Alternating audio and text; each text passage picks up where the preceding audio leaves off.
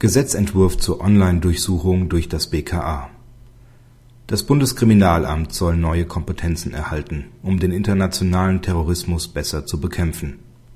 Künftig sind in engen Grenzen auch Online-Durchsuchungen von Computern möglich. Das beschloss das Bundeskabinett in dem Entwurf für ein neues BKA-Gesetz.